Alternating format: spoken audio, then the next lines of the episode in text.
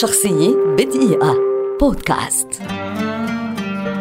خالد مزنر مؤلف ومنتج موسيقي لبناني شهير ولد عام 1974 ويعد واحدا من أبرز الموسيقيين اليوم في لبنان والعالم العربي خاصة حين يتعلق الأمر بوضع الموسيقى التصويرية للأفلام.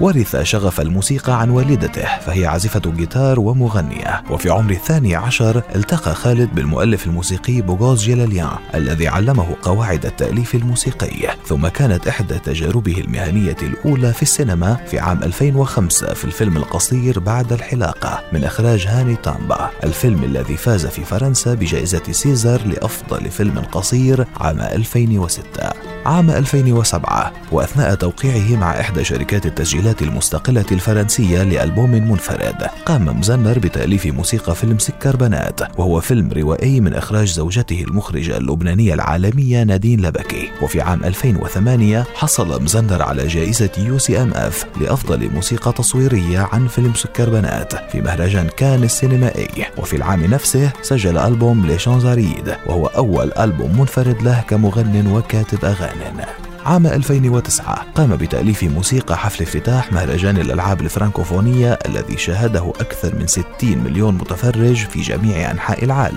وفي عام 2011 حصد خالد جوائز عالمية عدة عن فيلم مهلأ لوين لنادين لبكي منها جائزة أفضل موسيقى تصويرية من مهرجان ستوكهولم الدولي للسينما ليحقق الثنائي مزنر لبكي نجاحا عالميا جديدا. لكن النجاح الساحق الأبرز جاء مع تحفة نادين لبكي السينمائية كفر نحوم عام 2018 الفيلم الذي حصد جوائز عالمية كبيرة وعديدة وترشح لجائزة الأوسكار وفاز بجائزة النقاد في مهرجان كان السينمائي. ونالت موسيقى الفيلم التي ألفها مزنر استحسانا عالميا كبيرا. وحصدت عدة جوائز ودخل خالد مزنر على إثرها إلى عضوية الأوسكار إذ انضم عن فئة الموسيقى إلى أكاديمية فنون وعلوم الصور المتحركة المسؤولة عن ترشيح وتوزيع جوائز الأوسكار. شخصية بدقيقة.